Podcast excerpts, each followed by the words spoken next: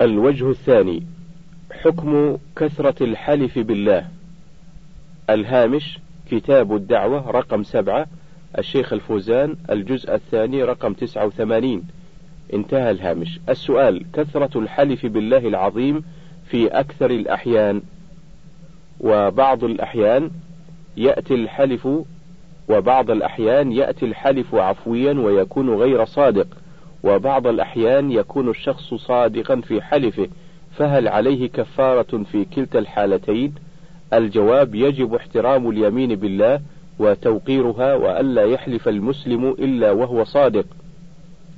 ولا يحلف إلا عند الحاجة وكثرة الحلف تدل على التهاون باليمين قال تعالى ولا تطع كل حلاف مهين. سورة القلم الآية العاشرة. واليمين التي تجب بها الكفارة هي التي آه، قصد عقدها على أمر مستقبل ممكن. قال تعالى ولكن لا ولكن يؤاخذكم بما عقدتم الأيمان فكفارته إطعام عشرة مساكين. سورة المائدة الآية التاسعة والثمانون. مقدار الإطعام في كفارة اليمين. الهامش فتاوى المرأة الشيخ بن جبرين في الصفحة التاسعة والستين. انتهى الهامش. السؤال نعلم أن كفارة اليمين هي إطعام ثلاثة مساكين. ما مقدار إطعام كل مسكين وما نوعه؟ الجواب كفارة اليمين إطعام عشرة مساكين أو كسوتهم أو عتق رقبة. فمن لم يجد فصيام ثلاثة أيام متتابعات. فالإطعام يكون من أوسط ما يطعم الحالف أهله بأن يأكلوا عنده غداء أو عشاء حتى يشبعوا أو يعطيهم أو يعطيهم ما يكفيهم قوت ليلة ويقدر ذلك بنصف صاع من الأرز أو نحوه. أما الكسوة فما يجزيهم في الصلاة. أسئلة واستفسارات حول كفارة اليمين والشهادة. السؤال إذا لم أجد عشرة مساكين في البلد الذي أعيش به فهل يجوز أن أعطي شخصا واحدا ما يطعم عشرة أشخاص مما ممن يستحق الكفارة؟ بماذا تقدر الكفارة بمعنى هل يجوز أن أكفر بالأرز لأنه غالب قوت بلادنا لأنه غالب قوت بلادنا وإذا كان المال ينفع المسكين أكثر فهل يجوز التصدق بقيمة الكفارة بدلا من عينها وكم ريالا يعطى عن الشخص الواحد. وإذا كانت هناك أم كثيرة الحلف على أولادها للقيام بواجباتهم وغالبا ما يخالف الأولاد أمرها وتحنث بيمينها فهل تجب عليها الكفارة؟ أم يعتبر حلفها من اللغو؟ حدث خلاف بين زميلة لي وإحدى مدرساتنا وقد تكلمت الطالبة مع المدرسة بصوت مرتفع بدون أن تستأذنها وطلبت شهادتي ضد زميلتي فشهدت معها وقلت إنها استأذنت مع علمي بعدم استئذانها وذلك لارتباكي أمام المديرة وخوفي على زميلتي وقد ندمت كثيرا وأردت أن أطلب السماح من المدرسة لكنها غادرت المملكة فماذا أفعل؟ الجواب عليك أن تبحثي أو عليك أن تبحث عليك أن تبحثي عن المساكين في البلد فإذا لم تجدي فابحثي في البلاد الأخرى القريبة فإذا لم تجدي إلا مسكينا واحدا جاز إطعامه عشرة أيام. نعم يجوز دفع الكفارات إلى الجمعيات الخيرية التي تجمع الصدقات والتبرعات ونحوها وتصرفها لأهل الاستحقاق ويأتيها أهل الحاجة من المستضعفين فتعطي كلا ما يستحق أو يخفف حاجته. يجوز أن يجمع المساكين ويطعمهم حتى يشبعوا غداء أو عشاء فإن اختار الدفع إليهم جاز أن يعطيهم ما يكفيهم من الطعام المعتاد له ولأهله فإذا كان أغلب ما يأكلون الأرز واللحم أعطاهم من ذلك قوت ليلة فأما دفع القيمة فلا يجزئ. ولو كان هو أرفق وأنفع لهم فإنهم غالبا لا يعرفون في الإطعام فإنهم غالبا لا يعرفون في الإطعام الذي قد نص عليه الذي قد نص الله عليه.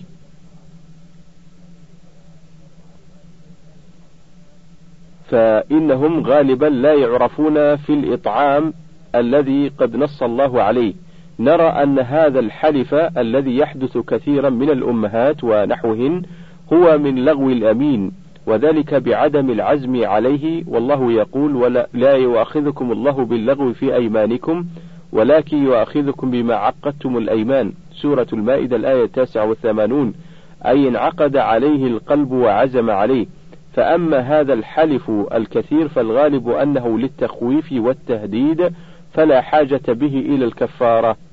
فلا حاجة به إلى كفارة لقد وقعت في خطأ لقد وقعت في خطأ حيث شهدت بخلاف الواقع ولكن كفارة ذلك التوبة والاستغفار والاعتذار إلى مديرة المدرسة والدعاء لتلك المدرسة والاستغفار لها إذا لم يتمكن إذا لم يتمكن من استباحتها والله الموفق. الهامش فتاوى المرأة الشيخ بن جبرين في الصفحتين التاسعة والستين والسبعين. انتهى الهامش. الحلف والطلاق. صاحب الفضيلة الشيخ عبد الله بن عبد الرحمن الجبرين حفظكم الله تعالى. السلام عليكم ورحمة الله وبركاته. وبعد السؤال وقعت بنا المسألة التالية. وقعت بنا المسألة التالية. ويهمنا كثيرا معرفة الحكم فنرجو منكم الإجابة في ضوء الكتاب والسنة وجزاكم الله خيرا. كان رجل مقيم في الرياض وأهله في باكستان يرتكب ولده بعض المعاصي فأرسل إليه شريطا مسجلا بأنه إن لم ينتهي عن المعاصي فأمه طالقة يقصد الرجل زوجته. واستلم ابنه الشريط وسمعه وسمعت أمه أيضا. ومضت على هذا ثلاثة أشهر تقريبا وبلغ إليه بأن ولده لم يتب عن المعاصي فكان جالسا مع بعض زملائه وقال مرة أخرى غضبا بأن ولده إذا إن لم ينتهي عن المعاصي فأمه طالقة ثلاثا ومضى على هذا شهر تقريبا وبعد هذه المدة يريد الرجل أن يعود إلى زوجته فما هو السبيل إلى ذلك؟ عليكم السلام ورحمة الله وبركاته. الجواب: إن كنت تقصد منعه عن المعاصي وتخويفه بطلاق أمه وتخويف أمه حتى تمنعه فهذا يمين آه، مكفرة، فعليك إطعام عشرة مساكين فإن كنت عازما على الطلاق فإنه يقع ولك رفع السؤال إلى اللجنة الدائمة لطلب الجواب الرسمي والله الموفق. الهامش فتوى للشيخ عبد الله الجبرين عليها توقيعه. انتهى الهامش. حكم تأخير الوفاء بالنذر. الهامش فتاوى المرأة الشيخ بن جبرين في الصفحة الرابعة والستين انتهى الهامش. السؤال ما حكم من يتأخر في تنفيذ ما نذر به بعد أن تحقق له الشرط الذي علق عليه النذر كمن يقول نذرت لله صوما خمسة أيام إذا شفيت من مرضي وتحقق له الشفاء وتأخر في صيام تلك الأيام مع العلم أنه لم يحددها بوقت معين وهل عليه صوم الأيام الخمسة متتابعة؟ وهل تلزمه كفارة عن على تأخيره الوفاء بنذره؟ مع أنه لا ينوي جحود ذلك النذر. الجواب يجب الوفاء بنذر الطاعة كالصيام والصدقة والاعتكاف والحج والقراءة فإذا كان النذر معلقا على شرط كالشفاء كالشفاء من مرض أو القدوم من سفر فعليه المبادرة بالوفاء فإن أخره فلا إثم عليه بالتأخير وإن مات وهو عليه قام به وارثه من بعده لكن الإسراع والفورية لازمة حتى يخرج المسلم من عهدة الواجبات. النذر مكروه والوفاء به لازم. الهامش فتاوى المرأة الشيخ بن جبرين في الصفحة السابعة والستين. انتهى الهامش. السؤال: ما هو الحكم الشرعي للنذر؟ هل لعدم الوفاء بالنذر عقوبة؟ الجواب: حكم النذر شرعا أنه مكروه فقد ثبت أن النبي صلى الله عليه وسلم نهى عن النذر وقال إنه لا يأتي بخير وإنما يستخرج به من البخيل. الهامش رواه البخاري في الأيمان رقم ستة آلاف وستمائة وثمانية وستة آلاف وستمائة وتسعة ورواه مسلم في النذر رقم ألف وستمائة وتسعة وثلاثين وألف وستمائة وأربعين. انتهى الهامش. وذلك أن بعض الناس إذا مرض أو خسر أو أوذي ينذر صدقة أو ذبحا أو مالا إذا زال عنه المرض أو الخسران ويعتقد أن الله لا يشفيه إلا أو يربحه إلا إذا نذر هذا النذر. فأخبر النبي صلى الله عليه وسلم أن الله لا يغير به شيئا مما قدره وقضاه ولكنه بخيل لا ينفق إلا بعد عقد النذر ويلزم الوفاء بالنذر إن كان عبادة كنذر صلاة أو صوم أو صدقة أو اعتكاف ولا يجوز إن كان معصية كقتل وزنا وشرب خمر وأخذ مال ظلما ونحوه وعليه كفارة يمين وهي إطعام عشرة مساكين إلى آخره. ويخير إذا كان النذر مباحا كأكل وشرب ولباس وسفر وكلام عادي ونحوه بين الوفاء به أو كفارة يمين. إذا كان نذر طاعة لله إذا كان نذر طاعة لله صرف للمساكين والمستضعفين كطعام وذبح وذبح كبش أو نحوه فيصرف للمساكين فيصرف للمساكين والمستضعفين فإن كان عملا صالحا بدنيا أو ماليا كجهاد وحج وعمرة لزم الوفاء به فإن خصصه بجهة اختص به اختص به كالمساجد والكتب والمشاريع الخيرية ولم يجز صرفه لغير ما عينه فيه النذر مكروه أو محرم. الهامش فتاوى المرأة ابن عثيمين في الصفحة الثامنة والستين. انتهى الهامش. السؤال هل يجوز للإنسان أن يغير جهة نذره إذا وجد جهة أكثر استحقاقا بعد تحديد النذر وتحديد جهته؟ الجواب أقدم قبل الجواب على هذا بمقدمة وهي أنه لا ينبغي للإنسان أن, أن ينذر فإن النذر مكروه أو محرم. لأن النبي صلى الله عليه وسلم نهى عنه وقال إنه لا يأتي بخير وإنما يستخرج به من البخيل. الهامش رواه البخاري في الأيمان رقم ستة آلاف وستمائة وثمانية وستة آلاف وستمائة وتسعة ورواه مسلم في النذر رقم ألف وستمائة وتسعة وثلاثين وألف وستمائة وأربعين. انتهى الهامش. فالخير الذي تتوقعه من النذر ليس النذر سببا له. وكثير من الناس إذا مرض نذر إذا شفاه الله تعالى أن يفعل كذا وكذا وإذا ضاع له شيء نذر أن يفعل كذا وكذا إن وجد ثم إذا شفي أو وجد الضائع ليس أو وجد الضائع ليس معناه أن النذر هو الذي أتى به بل إن ذلك من عند الله عز وجل. والله أكرم من أن يحتاج والله أكرم من أن يحتاج إلى شرط فيما سئل.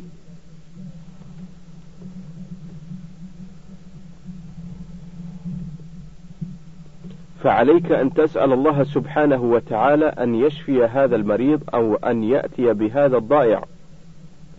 أما النذر فلا وجه له، وكثير من الذين نذروا إذا حصل لهم ما نذروا عليه فإنهم يتكاسلون فيما نذروه، وربما يدعونه، وهذا خطر عظيم، واستمع إلى قول الله تعالى: ومنهم ومنهم من عاهد ومنهم من عاهد الله لئن آتانا من فضله لنصدقن ولنكونن من الصالحين فلما آتاهم من فضله بخلوا به وتولوا وهم معرضون فأعقابهم نفاقا في قلوبهم إلى يوم يلقونه بما بما أخلفوا الله ما وعدوه وبما كانوا يكذبون.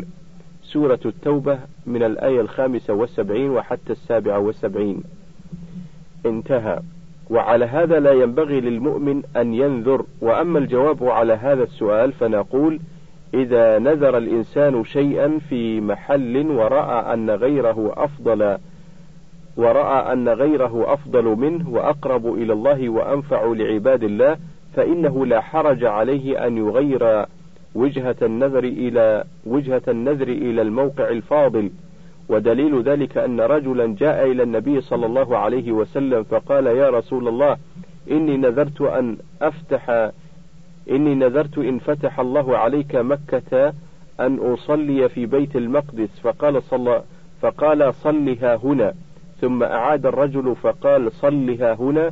ثم أعاد فقال شأنك إذا أو شأنك إذا الهامش رواه أبو داود في الأيمان رقم ثلاثة آلاف وثلاثمائة وخمسة.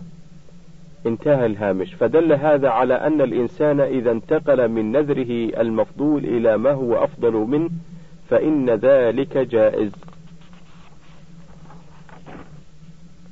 بر الوالدين والعقوق.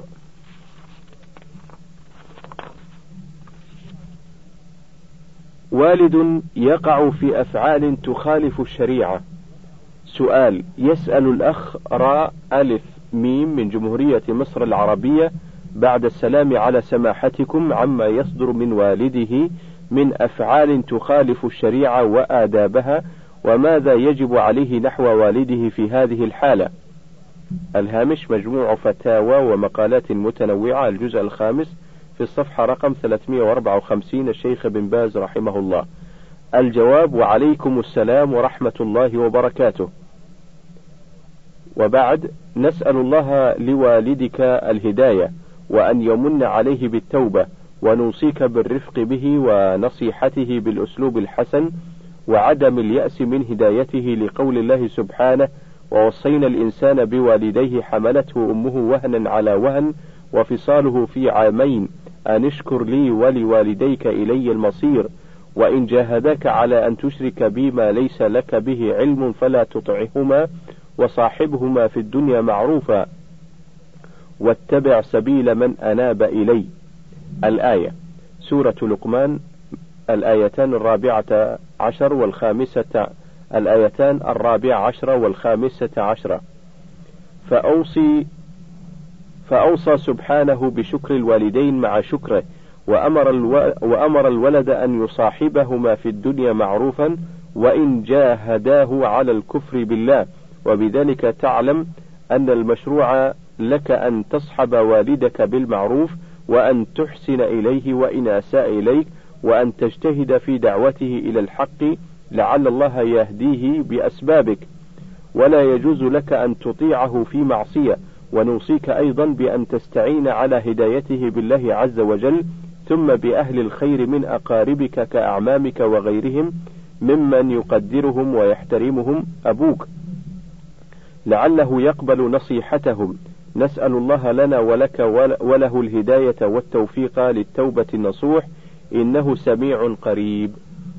والسلام عليكم ورحمة الله وبركاته. هل بر الوالدين يكون في كل شيء؟ السؤال. بعض الناس يعتقد أن بر الوالدين يكون في كل شيء فنرجو من فضيلتكم بيان ضوابط بر الوالدين.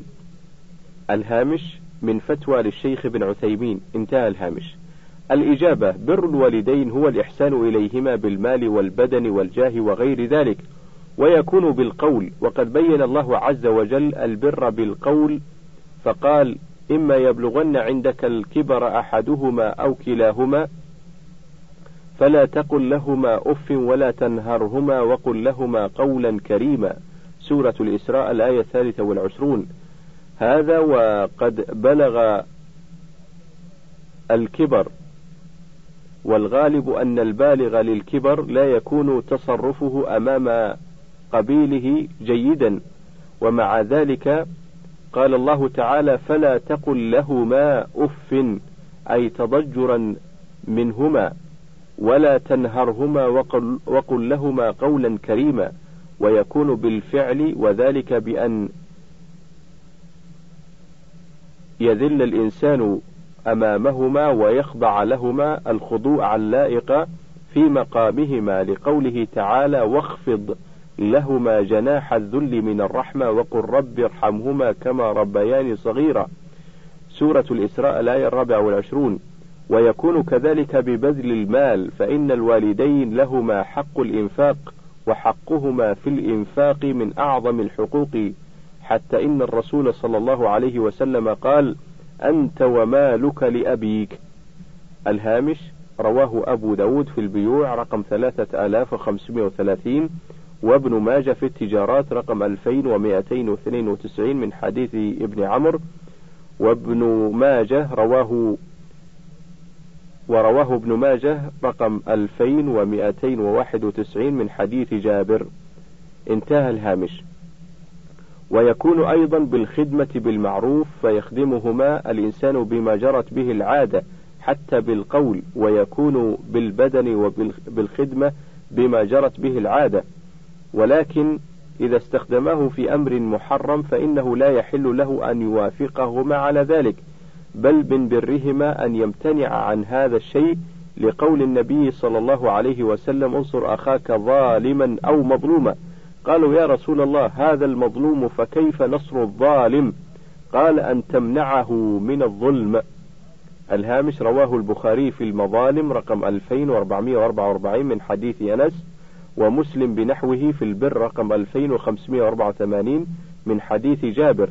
انتهى الهامش.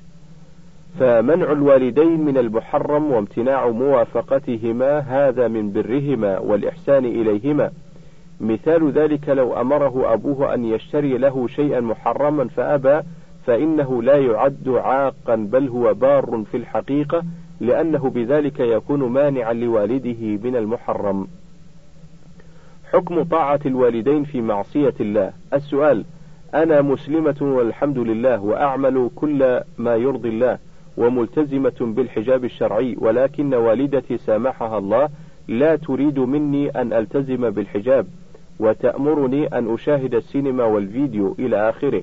وتقول لي إذا لم تتمتعي وتنشرحي تكونين عجوزا ويبيض شعرك. الجواب الواجب عليك أن ترفقي بالوالدة وأن تحسني إليها وأن تخاطبيها بالتي هي أحسن لأن الوالدة حقها عظيم. ولكن ليس لك طاعتها في غير المعروف. لقول النبي صلى الله عليه وسلم إنما الطاعة في المعروف. الهامش رواه البخاري في الأحكام رقم سبعة آلاف ومائة وخمسة وأربعين ومسلم في الإمارة رقم ألف وثمانمائة وأربعين. انتهى الهامش. ولقوله عليه الصلاة والسلام لا طاعة لمخلوق في معصية الخالق. الهامش رواه أحمد في الجزء الأول رقم 131 من حديث علي بنحوه. وفي الجزء الرابع رقم 432 من حديث عمران. وفي الجزء الخامس رقم 66 من حديث الحاكم بن عمرو. قال الهيثمي في المجمع أو في المجمع رقم خمسة 206 في الجزء الخامس رقم 226 رواه أحمد بألفاظ والطبراني باختصار وفي بعض طرقه لا طاعة لمخلوق في معصية الخالق ورجال أحمد رجال الصحيح. انتهى الهامش. وهكذا الأب والزوج وغيرهما لا يطاعون في معاصي الله للحديث المذكور ولكن ينبغي للزوجة والولد ونحوهما أن يستعملوا الرفق والأسلوب الحسن في حل المشاكل وذلك ببيان الأدلة الشرعية ووجوب طاعة الله ورسوله والحذر من معصية الله ورسوله مع الثبات على الحق وعدم طاعة من أمر بمخالفته من زوج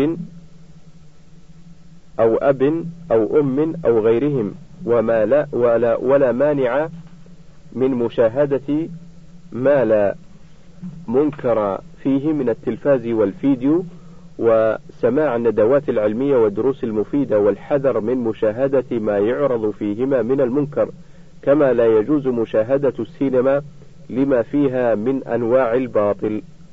الهامش مجموع فتاوى ومقالات متنوعة الجزء الخامس في الصفحة رقم 358 الشيخ بن باز رحمه الله. انتهى الهامش. حكم صلة الرحم؟ السؤال ما حكم صلة الرحم؟ الرحم وما ثواب من يصل رحمه؟ جزاكم الله خيرا. الجواب صلة الرحم واجبة وفيها فضل عظيم فإن الله عز وجل تكفل للرحم أن يصل من وصلها ويقطع من قطعها. وأخبر النبي عليه الصلاة والسلام أن من أحب أن يوسع أن يوسع له في أثره ويبسط له في رزقه فليصل رحمه. وقطيعة الرحم سبب سبب للعنة الله كما قال تعالى فهل عسيتم إن توليتم أن تفسدوا في الأرض وتقطعوا أرحامكم؟ سورة محمد الآية الثانية والعشرون. وسبب لقطيعة الله للعبد فإن الله تعالى قال للرحم أقطع من قطعك وعلى من قطع رحمه أن يتقي الله عز وجل. وأن يصلها حتى يوسع له في أثره ويبسط له في رزقه ويصله أرحامه ولأن الجزاء من جنس العمل. الهامش فتوى للشيخ ابن عثيمين عليها توقيعه. انتهى الهامش. حكم عقوق الوالدين السؤال لي ولد وقد تجاوز العشرين من عمره ويدرس في الجامعة ودائما يتخاصم مع والدته بحجة أنها ترفع صوتها على إخوانه في المنزل فهو الآن لا يسلم عليها وقد هجرها منذ شهرين وحتى الآن يدخل البيت ويأكل ويشرب وينام ولكن لا يسلم عليها أبدا. ما موقفي منه باعتبار ولده باعتبار والده باعتبار والده علما بأني نصحته ورفض مرارا وتكرارا ولا أزال مصرا على ولا زال مصرا على عمياء. أفيدونا جزاكم الله خيرا. الجواب هذا جاهل مركب. قد ارتكب منكرا عظيما وعقوقا كبيرة. نسأل الله لنا وله الهداية. فالواجب تحذيره من ذلك ومنعه من هذا العقوق ولو بالضرب أو منعه من البيت بالكلية أو بغير ذلك من أنواع التأديب المناسبة إذا كان ما ينفع فيه الكلام. ولا بأس من رفع أمره إلى الهيئة أو إلى المحكمة إذا لم يستطع والده علاج الموضوع أصلحه الله وألهمه رشده وكفاه شر نفسه. الهامش مجموع فتاوى ومقالات متنوعة الجزء الخامس في الصفحة الثامنة والسبعين والتاسع والسبعين الشيخ بن باز رحمه الله. انتهى الهامش. حكم استئذان الوالدين في الخروج للجهاد. السؤال إنني أحب الجهاد وقد امتزج حبه في قلبي ولا أستطيع أن أصبر عليه وقد استأذنت والدتي فلم توافق ولذا تأثرت كثيرا ولا أستطيع أن أبتعد عن الجهاد. سماحة الشيخ إن أمنيتي في الحياة هي الجهاد في سبيل الله وأن أقتل في سبيله وأمي لا توافق. دلني جزاك الله خيرا على الطريق المناسب. الجواب جهادك في أمك جهاد عظيم. إلزم أمك وأحسن إليها إلا إذا أمرك ولي الأمر بالجهاد فبادر لقول النبي صلى الله عليه وسلم وإذا استنفرتم فانفروا. الهامش رواه البخاري في جزاء الصيد رقم 1834 ومسلم في الحج رقم 1353 انتهى الهامش. وما دام ولي الأمر لم يأمرك لم يأمرك فأحسن إلى أمك وارحمها واعلم أن برها من الجهاد العظيم. قدمه النبي صلى الله عليه وسلم على الجهاد في سبيل الله كما جاء بذلك الحديث الصحيح عن رسول الله صلى الله عليه وسلم فإنه قيل له يا رسول الله أي العمل أفضل؟ قال إيمان بالله ورسوله. قيل ثم أي قال بر الوالدين قيل ثم أي قال الجهاد في سبيل الله. الهامش متفق على صحته رواه البخاري في مواقيت الصلاة رقم 527 ومسلم في الإيمان رقم 85 مع بعض الاختلاف. انتهى الهامش. فقدم برهما على الجهاد وجاءه رجل يستأذنه قال يا رسول الله أحب أن أجاهد معك. فقال له صلى الله عليه وسلم أحي والداك؟ قال نعم. قال ففيهما فجاهد. الهامش رواه البخاري في الجهاد رقم ثلاثة آلاف وأربعة ومسلم في البر رقم 2549 انتهى الهامش. وفي رواية أخرى قال صلى الله عليه وسلم ارجع فاستأذنهما فإن أذنا لك وإلا فبرهما. الهامش رواه أحمد في الجزء الثالث رقم 76 من حديث أبي سعيد. انتهى الهامش. فهذه الوالدة ارحمها وأحسن إليها حتى تسمح لك وهذا كله في جهاد الطلب. وفيما إذا لم يأمرك ولي الأمر بالنفير. أما إذا نزل البلاء بك فدافع عن نفسك وعن إخوانك في الله ولا حول ولا قوة إلا بالله. وهكذا إذا أمرك ولي الأمر بالنفير فانفر ولو بغير رضاها. لقول الله تعالى يا أيها الذين آمنوا ما لكم إذا قيل لكم انفروا في سبيل الله اثاقلتم إلى الأرض. أرضيتم بالحياة الدنيا من الآخرة؟ فما متاع الحياة الدنيا في الآخرة إلا قليل. إلا تنفروا يعذبكم عذابا أليما ويستبدل قوما غيركم ولا تضروه شيئا والله على كل شيء قدير. سورة التوبة الآيتان الثامنة والثلاثون والتاسع والثلاثون. وقال النبي صلى الله عليه وسلم إذا استنفرتم فانفروا. الهامش متفق عليه. متفق على صحته رواه البخاري في جزاء الصيد رقم 1834 ومسلم في الحج رقم 1353 انتهى الهامش. وفق الله الجميع لما يحب ويرضى. الهامش مجلة البحوث عدد رقم 34 في الصفحة رقم 146 و 147 الشيخ بن باز رحمه الله. انتهى الهامش. خمسة أمور من بر الوالدين بعد موتهما. الهامش كتاب الدعوة رقم خمسة الشيخ بن عثيمين الجزء الثاني رقم 148 و 149 انتهى الهامش. السؤال كيف يكون البر بالوالدين؟ وهل تجوز العمرة عن أحدهما رغم أنه أداها من قبل؟ الجواب إن بر, إن بر الوالدين يعني الإحسان إليهما بالمال والجاه. والنفع البدني وهو واجب وعقوق الوالدين من كبائر الذنوب وهو منع حقهما والإحسان إليهما في حياتهما معروف والإحسان إليهما في حياتهما معروف. وكما ذكرنا آنفا يكون بالمال والجاه والبدن وأما بعد موتهما فيكون برهما بالدعاء لهما والاستغفار لهما وإنفاذ وصيتهما من بعدهما وإكرام صديقهما وصلة الرحم التي لا صلة لك بها إلا بهما. هذه خمسة أشياء من بر الوالدين بعد الموت. أما الصدقة عنهما فهي جائزة ولكن لا يقال للولد تصدق بل يقال إن تصدقت فهو جائز. وإن لم تتصدق فالدعاء لهما أفضل لقول النبي صلى الله عليه وسلم إذا مات الإنسان انقطع عنه عمله إلا من ثلاث. إلا من صدقة جارية أو علم ينتفع به أو ولد صالح يدعو له. الهامش رواه مسلم في الوصية رقم 1631 انتهى الهامش. فذكر النبي صلى الله عليه وسلم الدعاء بمقام التحديث عن العمل. فكان هذا دليلا على أن الدعاء للوالدين بعد موتهما أفضل من الصدقة عنهما.